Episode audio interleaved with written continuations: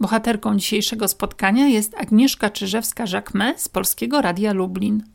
To okazja, by posłuchać, jak osoba, która zdobyła całą masę nagród w Polsce i za granicą, pracuje nad swoimi reportażami. Zapraszam serdecznie. Słuchacie podcastu Hani i Kasi z torbyreportera.pl Proszę. Dzień dobry. O, witam. Dwie otwarte Czy przypadkiem pani by nie zjadła krupniku? Znakomity. Otwieramy przed Wami drzwi do świata dźwięków, podcastów, reportaży i opowieści. Zapraszamy. A to pani nagrywa? Cześć, ja nazywam się Hanna Bogoryja-Zakrzewska i wraz z Katarzyną Błaszczyk w przystępny sposób uczymy, jak robić ciekawe podcasty wspierające markę osobistą. Zapraszamy też do grupy na Facebooku Podcast dla firm i freelancerów. Pracowałyśmy w radiu, robiłyśmy reportaże, jesteśmy autorkami książki Zdarzyło się naprawdę opowieści reporterskie i e-booka, o którym powiem na końcu spotkania, bo to pozycja, która może być bardzo przydatna każdemu ze słuchających tego podcastu. Od wielu, wielu lat, co roku jesienią w Berlinie odbywa się międzynarodowy konkurs radiowo-telewizyjny Prix Europa. Są na nim bardzo różne kategorie, ale między innymi jest kategoria audycje o muzyce. W 2019 roku nagrodę w tym konkursie, w tej kategorii właśnie, otrzymała Agnieszka Czyżewska-Żakme, reportażystka z Polskiego Radia Lublin. Jej reportaż przedstawia historię Aszota, Marty Rosjanina z Armenii, któremu śpiew dał sławę, a w Polsce pozwolił przetrwać najcięższe chwile. Pamiętam, jak słuchałam tego reportażu. Było to podczas ogólnopolskiego seminarium reportażu radiowego w Warszawie, w studiu imienia Agnieszki Osieckiej przy ulicy Myśliwieckiej. Zgasiliśmy wtedy światło i słuchaliśmy po ciemku tego reportażu. I po jego wysłuchaniu zapadła cisza. Po chwili zerwały się brawa, a potem, ze wzruszeniem w głosie, Uczestnicy tego seminarium dzielili się swoimi wrażeniami. Namawiam Was gorąco. Zgaście w domu lampy, połóżcie się na kanapie, zamknijcie oczy i włączcie reportaż. Link do niego znajdziecie w opisie do tego odcinka. Natomiast w tym podcaście usłyszycie tylko początek tego reportażu. Jeden, dwa. Troszkę bardziej w Ej, prawo, no. raz, dwa, trzy. Teraz jak? Jak jest pan tak blisko mikrofonu, to pan jest też blisko słuchacza, tak. O kurczę. Lepiej można pana poznać. Jestem Ashut Martyrosyan. No prawie 20 lat. Tyle lat nie śpiewałem. Odpuściłem. Spróbujemy. Pośpiewam, jeśli mi się uda. Cizma gelen mazeras Eska tak nic durczeka To moja piosenka. I muzyka i słowa. Im serco ansaman Asek jest wąs Asek jest wąs nam. To był początek reportażu Agnieszki Czyżewskiej-Żakme z Polskiego Radia Lublin Człowiek śpiewający sercem. Jak doszło do nagrania reportażu i jak Agnieszka obmyślała pomysł na opowiedzenie historii o Aszocie? Posłuchajcie. W przypadku spotkania z Aszotem to między pierwszym spotkaniem a powstaniem reportażu minęło kilka lat. Dlatego, że ja po raz pierwszy spotkałam Ashota wtedy, kiedy przygotowywałam taki duży dokument o dyrygencie chóru Kairos, Borysie Sommerszafie i był taki projekt Pieśń Wieczności tutaj u nas w Lublinie. Przepiękny projekt, który odwoływał się do tych starych, pierwotnych pieśni śpiewanych i na Kaukazie, i w Grecji, i na wschodzie Europy. I właśnie w tym projekcie wziął udział Ashot i on tam śpiewał chorowel. Ja to nazywałam wtedy Warwarara, bo to były pierwsze słowa tej pieśni i w ogóle nie wiedziałam o co chodzi, ale to były takie dźwięki, które mnie po prostu uwiodły. I wtedy po raz pierwszy porozmawiałam z Ashotem, ale jakby dotarło do mnie, że opowieść o nim będzie trudna, że to nie jest człowiek wylewny, to jest pierwsza rzecz, to jest facet z Kaukazu. A druga rzecz jest taka, że jednak radio uzależnione jest od języka polskiego. Czyli ten polski jeszcze nie jest na tyle komunikatywny, żeby był transparentny dla osoby, która słucha w radio, bo to przy planowaniu reportażu radiowego trzeba wziąć pod uwagę, że my widzimy rozmówcę, widzimy jego mimikę, jego gesty i czasem możemy się domyślić znaczenia słów, a słuchacz nie ma takiej szansy. On ma tylko ten dźwięk, tylko to słowo i tą ciszę, i tą muzykę. Więc wtedy pamiętam, że y, uwiodła mnie pieśń, uwiódł mnie Aszot i sposób, w jaki on śpiewa, ale wiedziałam, że muszę poczekać. I wtedy nie zabierałam się za nagrania. Y, minęło kilka lat, spotykaliśmy się na różnych koncertach, projektach kulturalnych i dowiedziałam się, że przyjaciele Aszota postanowili pomóc wydać mu płytę. Znając to, jak on śpiewa i znając Aszota, pomyślałam sobie, że o, to jest ten moment, ta oś kompozycyjna, ta praca nad płytą, ten wysiłek nagrywania, dostosowywania się e, do wymogów studia, do próby, do e, słuchacza polskiego, to jest ta oś kompozycyjna, to wydawanie płyty dla Aszota, to będzie taka osnowa, to będzie ten konflikt, to dążenie bohatera do osiągnięcia celu, bo w reportażu to jest podstawa, to nie jest tylko opowieść o tym, że świat właśnie taki jest, jest bardzo fajnie, to jest opowieść o czymś więcej z takiej opowieści musi coś wynikać poza tym, że tak jest i koniec.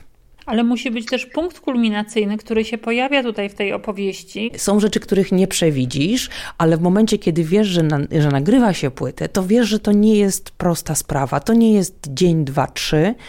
Na pewno jest to bardzo trudne przedsięwzięcie wtedy, kiedy tą płytę nagrywa człowiek, który nie ma żadnego do czynienia ze studiem, który nauczył się śpiewać w rodzinie, który jest w obcym kraju, który nie ma ogromnej ilości pieniędzy po to, żeby sobie zatrudnić aranżera, mastera, muzyków, którzy będą wykonywać tak, jak on chce, to, co on chce i kiedy on chce. Więc jakby tutaj od razu wiadomo, że jest napięcie. Jaki będzie ten punkt kulminacyjny? Oczywiście nie wiedziałam na początku on był jakby prezentem od, od losu, ale też wynikiem mojej bliskości z bohaterem, bo ja przez ten okres dwuletni, czy nawet trzyletni chyba, nagrywania płyty pozostawałam z Aszotem w kontakcie. Czyli po prostu nie przegapiłam tego punktu kulminacyjnego nie potraktowałam tego przedmiotowo i na szybko. Ja od samego początku wiedziałam, że ten reportaż nie ukaże się, dopóki nie, nie ukaże się płyta. To było bardzo istotne. Czyli rozumiem, że mogłaś sobie chyba obmyślić wcześniej te przepiękne zabiegi pokazujące upływ czasu. To się narodziło w trakcie. Może na samym początku pomysł na cztery pory roku nie był taki oczywisty. Bo ja ciągle myślałam, że to nie będzie trwało 3 lata, że owszem, będzie trudno, ale mamy przed sobą pół roku, mamy stypendium e, prezydenta miasta, które tam obliguje do wykonania zadania i to będzie pół roku, więc cztery pory roku też przyszły do mnie przez to, że to tak długo trwało. Natomiast e, już bardzo świadomym z mojej strony było to, że ja podkreśliłam ten upływ czasu, te cztery pory roku i one, nie wiem czy zauważyłaś, nie występują po kolei po sobie. Tam jesień pojawia się bodajże po zimie i to jest ten moment, kiedy okazuje się, że to nie jest e, prosty bieg chronologiczny kilku miesięcy i sprawa jest załatwiona. Poza tym cztery pory roku kojarzy się z muzyką. Ja też szukałam takiego motywu muzycznego, który będzie nam pokazywał upływ czasu.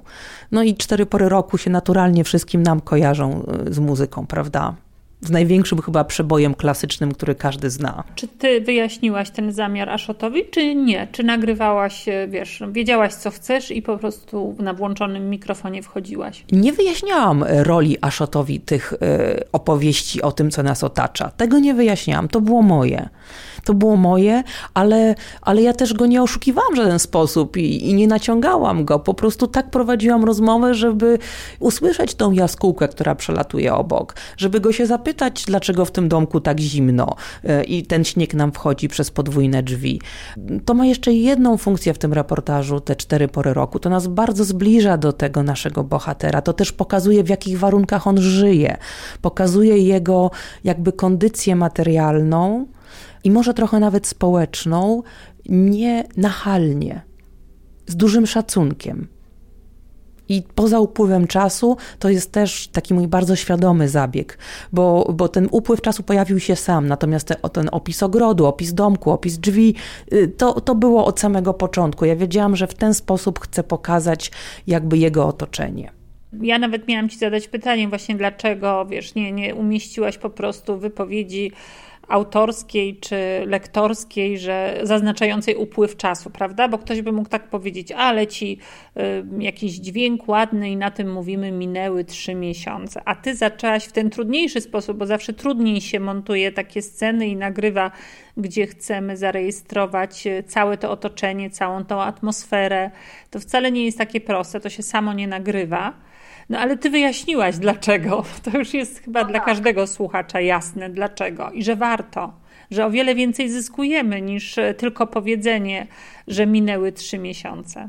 To są dwa różne zabiegi, bo być może są reportaże, w którym e, takie krótkie słowo minęło e, trzy miesiące wystarczy. Tutaj nie. Tu ja chciałam być blisko z człowiekiem. Może częściej w, takiej, mm, e, w takim stylu podcastowym to minęło trzy miesiące jest używane. Wtedy, kiedy to jest jakaś może bardziej publicystyka. Natomiast reportaż oparty jest, a ten w szczególności, na spotkaniu z drugim człowiekiem. I tu mi się wydaje, że takie mówienie z zewnętrznego świata minęło trzy miesiące, minęło dwa lata, zakłócałoby ten, ten, ten cały wszechświat tej opowieści. Co jeszcze sobie obmyśliłaś przed nagraniami? Obmyśliłam sobie też, że ta muzyka będzie dopowiadała to, czego nie mówi Ashot. Bo jak powiedziałam, on nie jest wylewny. Ja wiedziałam, że wiele rzeczy y, to będzie milczenie, to milczenie jest bardzo wymowne w kilku momentach i ono wystarczy. A tam, gdzie ta opowieść jest tak trudna dla niego, jak na przykład czasy wojny, y, czy czasy komunizmu, które dla niego też były osobiście bardzo trudne, bo, no bo Ashot to jest wolny ptak, to jest człowiek, który y, żyje pieśnią, jest pieśnią i, i on za tą pieśnią idzie to tam właśnie brzmi pieśń. Jest to taka bardzo celowo wybrana pieśń, chyba jedna z nielicznych, która jest tłumaczona przez niego. O orle, o rycerzu, który umiera na wysokiej górze. To jest pieśń, którą, której Ormianie nie mogli śpiewać ani w czasie panowania tureckiego, ani w czasie panowania e, Związku Radzieckiego, bo to tak można określić. E, I to jest jedyna pieśń, którą on tłumaczy. Także to była rzecz, o której wiedziałam od samego początku, że ta pieśń musi mówić za niego. I jeszcze jedna rzecz, to, to, ale to chyba już przy każdym reportażu, ale tutaj też to było bardzo ważne, zanim przystępujesz do nagrań, zanim ja przystąpiłam do nagrań, zrobiłam sobie w głowie taki też spis ludzi, miejsc i opowieści, które powinnam nagrać akurat tutaj. Wiedziałam, że to musi być Ashot, bo on jest głównym bohaterem. Wiedziałam, że to muszą być jego przyjaciele i znajomi. Wiedziałam, że y, muszę pójść do studia, muszę pójść na próbę, muszę pójść na bazar, muszę pójść do niego do domu. To jest może coś, o czym byłam, powinnam była powiedzieć na samym początku, bo to jest to takie rudymentalne przygotowanie do nagrania, żeby zrobić sobie w głowie spis y, osób i miejsc, wydarzeń, bo to zależy, prawda? Które koniecznie muszą się znaleźć w nagraniu, bo niekoniecznie w reportażu, bo na przykład w reportażu y, nie znalazł się y, spektakl, na którym zbieraliśmy pieniądze też na płytę Aszota. Y, nie znalazło się tam wręczenie medalu prezydenta miasta dla Aszota, ale to, mm, to były wątki, które by sprawiły, że ten reportaż stałby się bardziej publicystyczny, a o wiele mniej oparty na człowieku i jego emocjach ale byłam tam. Też to było na mojej liście nagrań. Jeszcze zapytam Cię, to już nie dotyczy przygotowania, a bardziej montażu, ale bo są bardzo różne sposoby każdego reportażysty.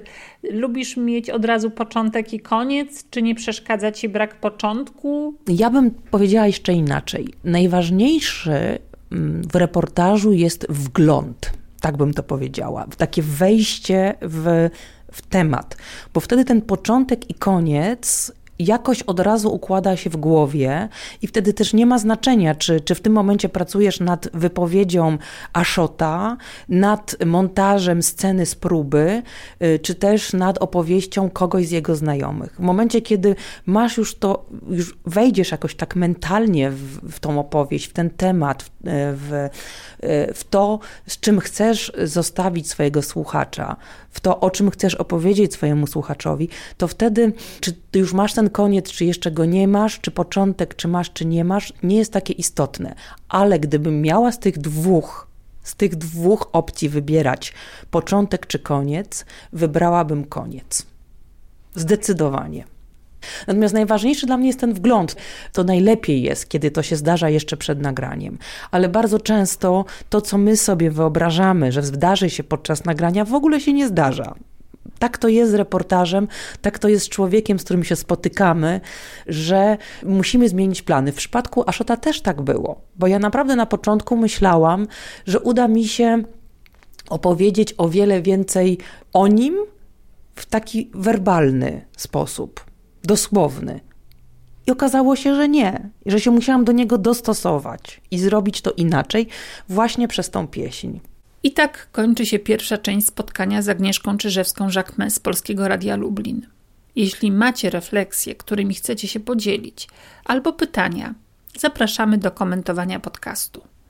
Niedługo będzie część druga, w której opowiemy o pomyśle na reportaż Agnieszki Czyżewskiej-Jacquemin pod tytułem Towarzysz Śmierci. To niezwykła historia, która została nagrodzona w konkursie Srebrnym Melchiorem 2020. W uzasadnieniu do tej nagrody czytamy. Srebrny Melchior za nadanie wysublimowanej artystycznie formy, trudnej i mistrzowsko poprowadzonej rozmowie o śmierci oraz za finezyjne współbrzmienie słowa i muzyki. Jak rodził się pomysł na formę tego reportażu, już niedługo usłyszycie w podcaście Torby Reportera i Podcastera. A teraz krótko o rzeczach przydatnych dla słuchaczy tego podcastu. Jeśli chcesz rozmawiać tak, aby przyciągnąć do siebie ludzi, to sięgnij po naszego e-booka. Sztuka rozmowy w podcaście i nie tylko. Napisałam go wspólnie z Katarzyną Błaszczyk. Zapraszamy także na nasze konsultacje, warsztaty, szkolenia. Możesz z nami zrobić swój podcast, pokonać tremę, przeszkolić głos, nauczyć się atrakcyjnie opowiadać. A więcej szczegółów na stronie torbareportera.pl. Tam także e-book do kupienia wraz z filmem o przełamywaniu tremy. Do usłyszenia!